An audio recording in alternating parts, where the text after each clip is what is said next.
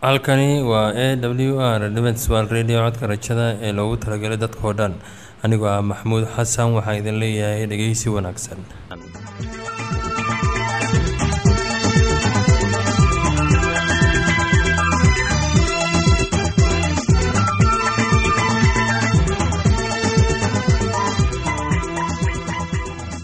barnaamijyadeena maanta waa laba qaybood. Qaybta kuwaad waxaad ku maqli doontaan barnaamijka nolosha qoyska. Kadib waxaa inoo raaci doonaa cashar inaga yimid bugga nolosha. Dhegeystayaasheenna qiimaha iyo qadarinta mudano waxaan filayaa inaad si habboon u dhegeysan doontaan.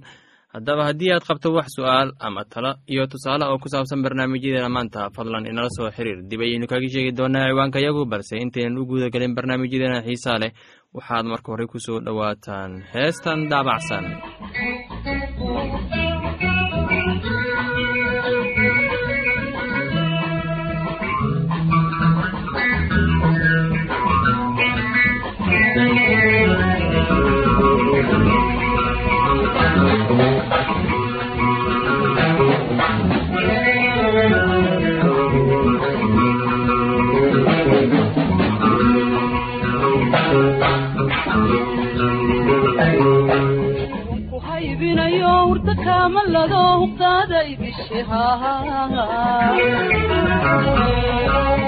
ku haybinayo hurda kaamalado huqdaaday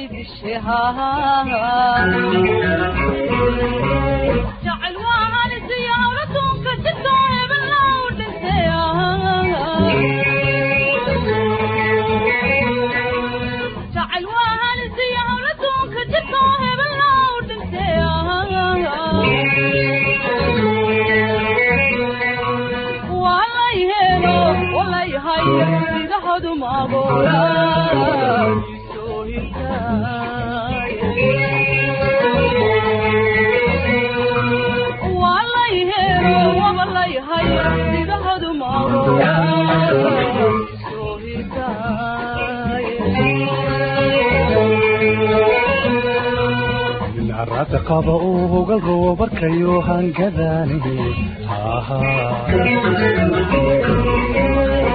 harada qaba uu hogal roobarkayo hangadaani hubantaa lulataasoo habaabanaye hanqalkaan la kace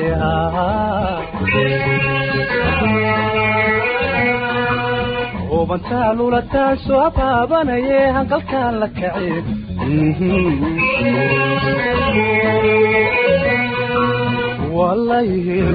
walayhay sida halo kareeba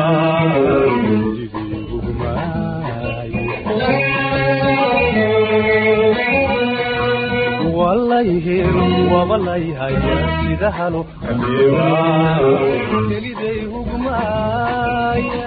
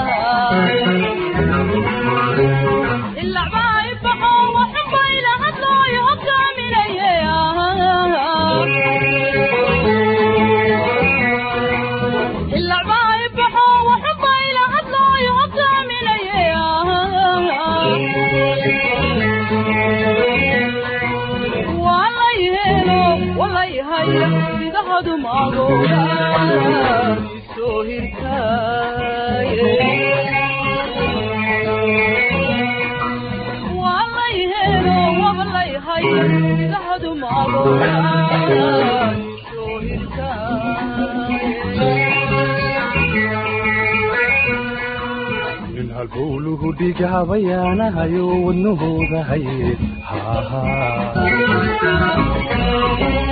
nin halbowluhu dhigahabayaanahayo wadnahooda haye haha ahayinka abinayaan hod caleeliya doog hayankii ku rare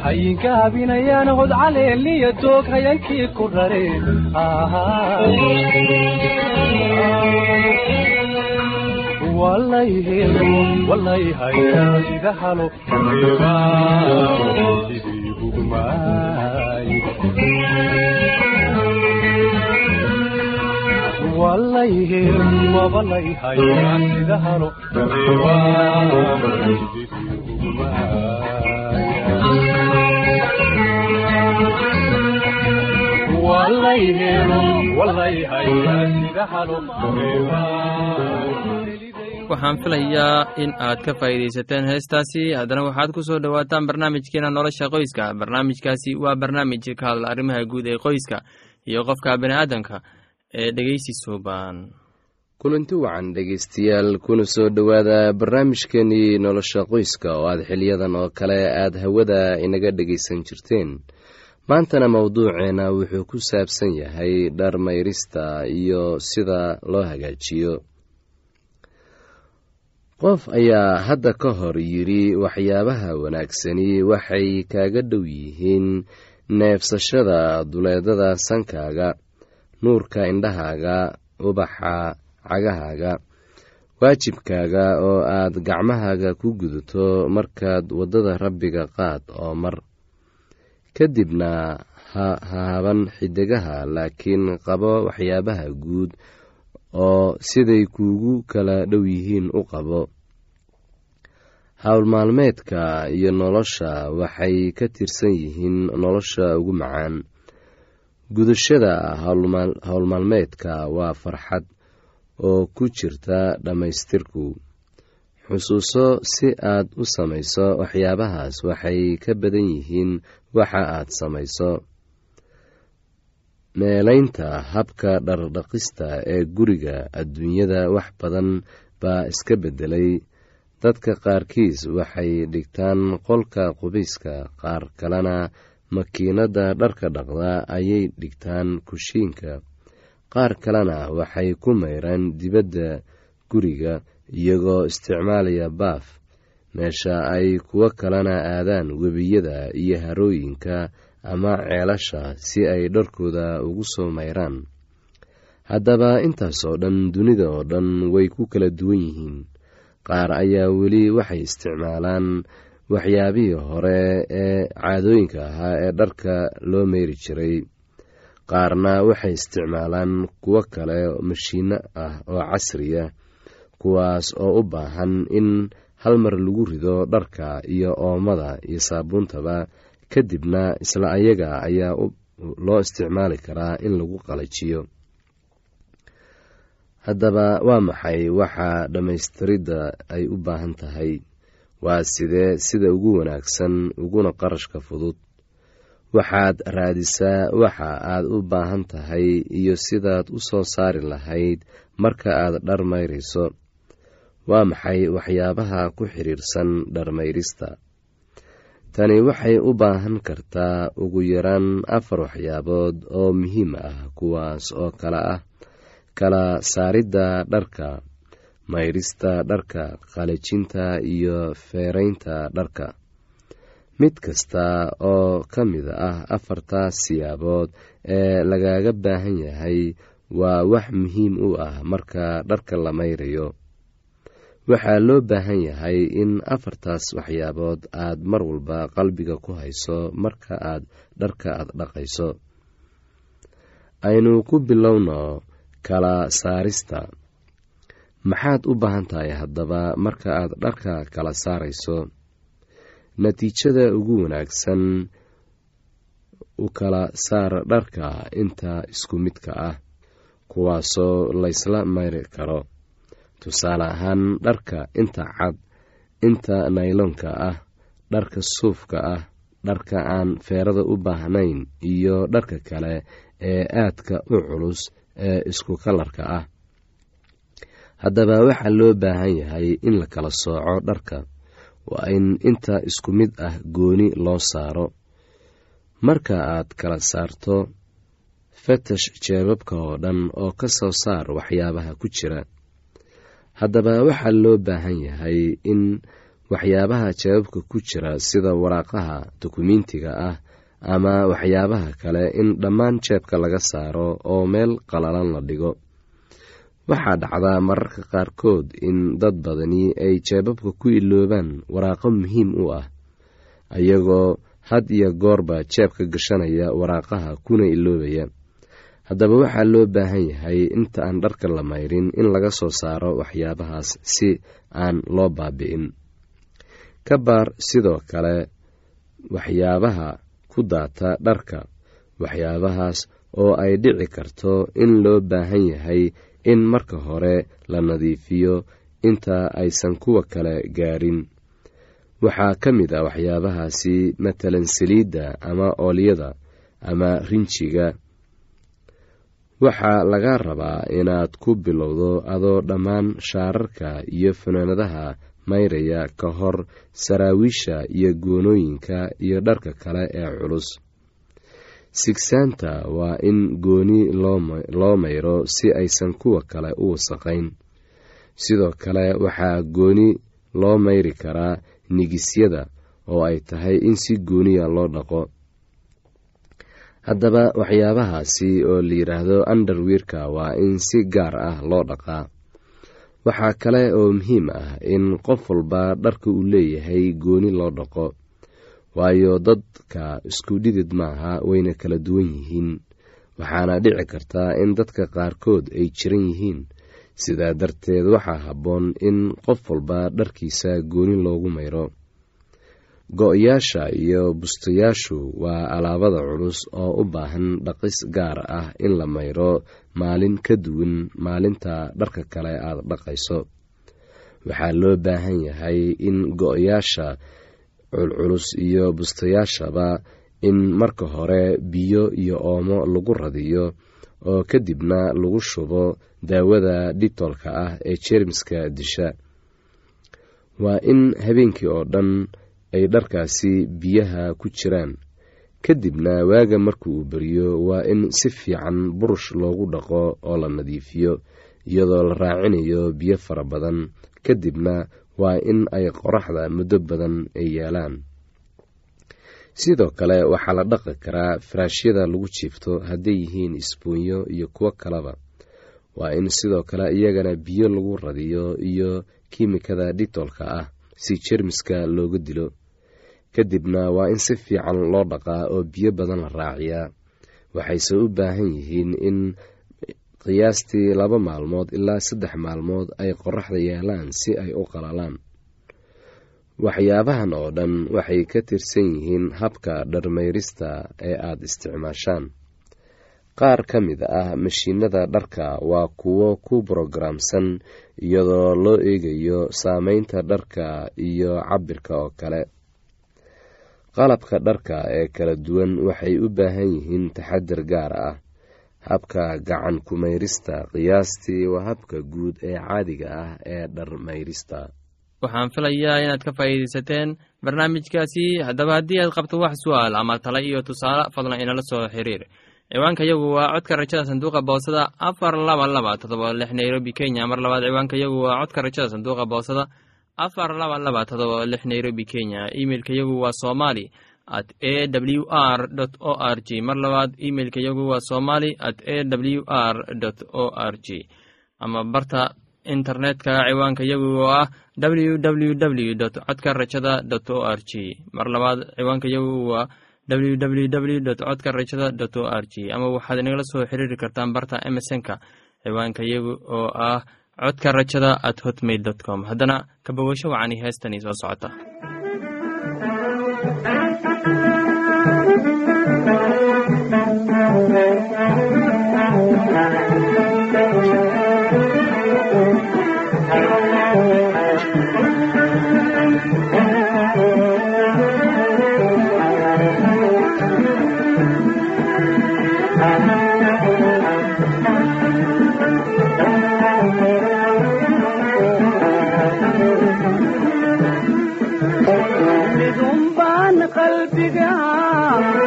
maqnaanino ku dhex maxadey ma maarmayo markii aan arkana elunbey go'day mogiyo jacayl mogiyo jacayl waa maxay mogiyo jacayl mogiyo jacayl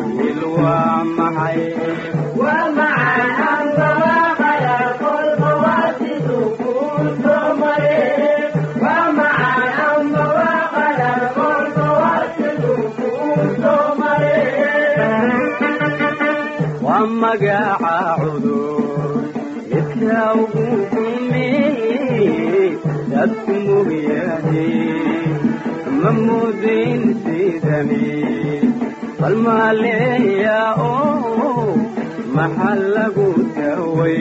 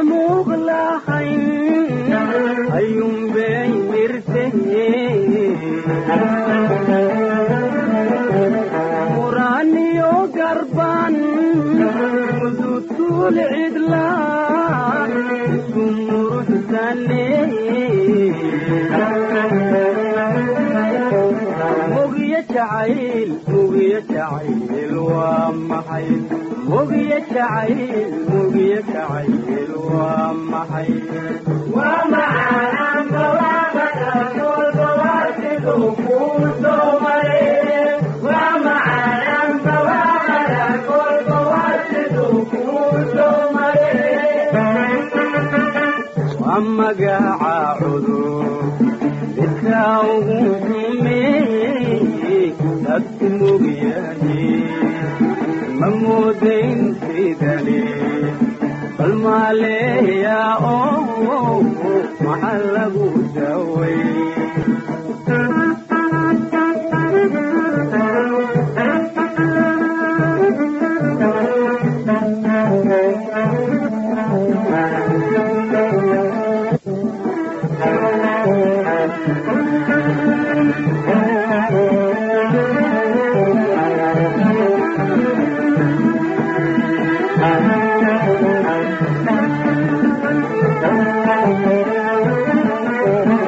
mahadada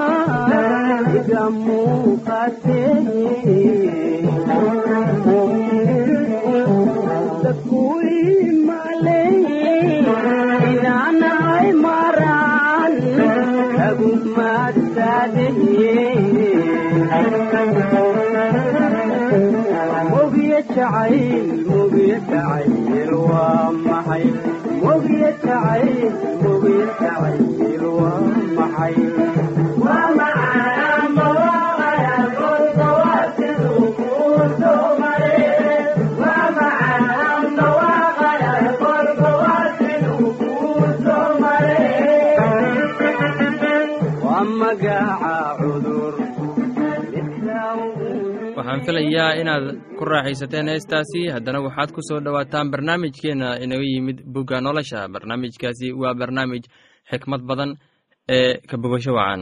Oo waxaa soo baxay boqorkii sodom iyo boqorkii gomorra iyo boqorkii admah iyo boqorkii seboyin iyo boqorkii belac oo iyana ahayd socar oo waxay dooxo sidiim ugu diyaar garoobeen inay la dagaalamaan kedorlacomer oo ahaa boqorkii ceelaam iyo tidcaal oo ahaa boqorkii goyim iyo amrafel oo ahaa boqorkii shincaar iyo an aryok oo ahaa boqorkii elasaar waxay ahaayeen afar boqor oo shantii boqor ka gees ah. Haddaba dooxo sidim waxaa ka buuxday boholo waaweyn oo dhoobo ah oo boqorradii gomorra iyo sodom way carareen oo halkaasay ku dhaceen.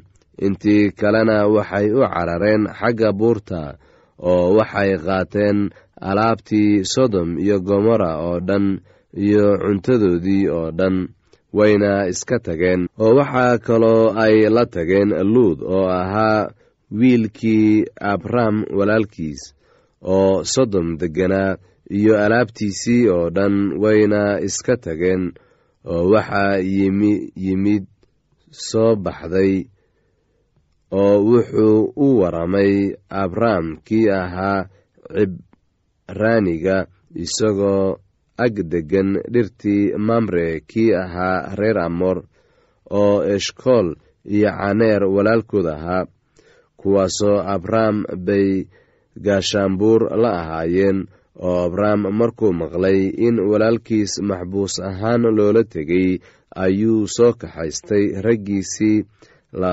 tababaray oo gurigiisii ku dhashay iyagoo ah saddex boqol iyo siddeetan iyo toddoba nin oo wuxuu raacdo ku jiray ilaa daan oo habeennimo ayuu raggiisii u kala qaybiyey isaga iyo addoomihiisiiba oo waxay lahaayeen colkii oo ay raacdaysteen ilaa xoobaa oo dimashik xagga bidixda ka ah oo alaabtii oo dhan buu soo celiyey oo waxa kale oo uu soo celiyey walaalkiis luud iyo alaabtiisii iyo naagihii iyo dadkiiba. Markuu ka soo noqday layntii kodorlacomer iyo boqorradii la jiray kadib ayaa boqorkii sodom abram kaga hor degay dooxo shaaweh oo ahayd dooxadii boqorka oo malkisadeq oo ahaa boqorkii shalem baa keenay cunto iyo qamri wuxuuna ahaa wadaadkii ilaaha ugu sarreeya oo abram buu u duceeyey oo yidhi ilaaha ugu sarreeya ee leh samada iyo dhulkaba ha barakadeeyo abram ammaan waxaa leh ilaaha ugu sarreeya oo cadaawayaashaadii gacantaada geliyey. Markaasaa abram wuxuu isagii wax kasta ka siiyey toban meelood oo meel. Boqorkii sodom wuxuu abram ku yidhi dadka uun isii alaabtaadana adigu iska qaado laakiin abram wuxuu boqorkii sodom ku yidhi gacantaydan kor u taagay oo waxaan ku dhaartay rabbiga kan ah ilaaha ugu sarreeya ee leh samada iyo dhulka. Inaanan qaadanin miiq ama kab yeelmeheed ama wax adigu aad leedahay waayo waa waaba intaasoo aad tidhaahdaa. Anaa abram hodan ka dhigay waxba qaadan maayo. Wixii ay ragga dhallinyarada ahu cuneen mooyaane iyo qaybtii raggii raacday caaneer iyo eshkool iyo mamre ha qaateen qaybtooda. Waxyaalahaas kadib hadalkii ilaah baa abram ugu yimid muuqasho ahaan isagoo leh abramow ha baqin anigu waxaan ahay gaashaankaaga abaalgudkaaguna aad buu u weynaan doonaa oo abrahm wuxuu yidhi sayidow rabbiyow maxaad isiin doontaa? Waayo anigu carruur la'aan baan sii socdaa. Reerkaygana waxaa dhexli doona celiseer oo ah reer dimashik oo abrahm wuxuu yidhi bal eeg aniga ima aad siin farcan oo mid gurigayga ku dhashay baa idhaxlaya oo bal eeg hadalkii rabbiga u yimid isagoo leh ninkanu kuma dhexli doono laakiinse waxaa ku dhexli doona wiil aad dhali doontid oo dibadduu u soo bixiyey oo ku yidhi bal samada fiiri oo xidigaha tiri haddaad tirin kartid heestaasi iyo casharka buugga nolosha ayaanu ku soo gabgabayneynaa barnaamijyadeena maanta. Halkaad inaga dhegeysanaysaan waa laanta afka soomaaliga ee codka rajada ee lagu talagalay dadka oo dhan. Haddaba haddii aad doonayso inaad wax ka faa'iidaysataan barnaamijyadeena sida barnaamijka caafimaadka barnaamijka nolosha qoyska iyo barnaamijka kitaabka quduuska fadlan inala soo xiriir. Ciwaanka yagu waa codka rajada sanduuqa boosada afar laba laba todoba lix nairobi kenya. Mar labaad ciwaanka yagu waa codka rajada sanduuqa boosada afar laba laba todoba lix nairobi kenya. Imeilka yagu waa somali at a w r o r g mar labaad imeilka yagu waa somali at a w r o r g ama emesonka oo ah codka rajada at hotmail dot com. Mar labaad emesonka yagu waa codka rajada at hotmail dot com. Ama barta internetka ayaad ka akhrisan kartaan barnaamijyadeena iyo ka maqasha sida dot codka rajada dot o r g dhegeystayaasheena qiimaha iyo qadarinta mudan oo barnaamijyadeena maanta waa naga intaas. Tan iyo intaynu hawada dib ugu kulmayno waxaan idin leeyahay sidaas iyo ammaano allah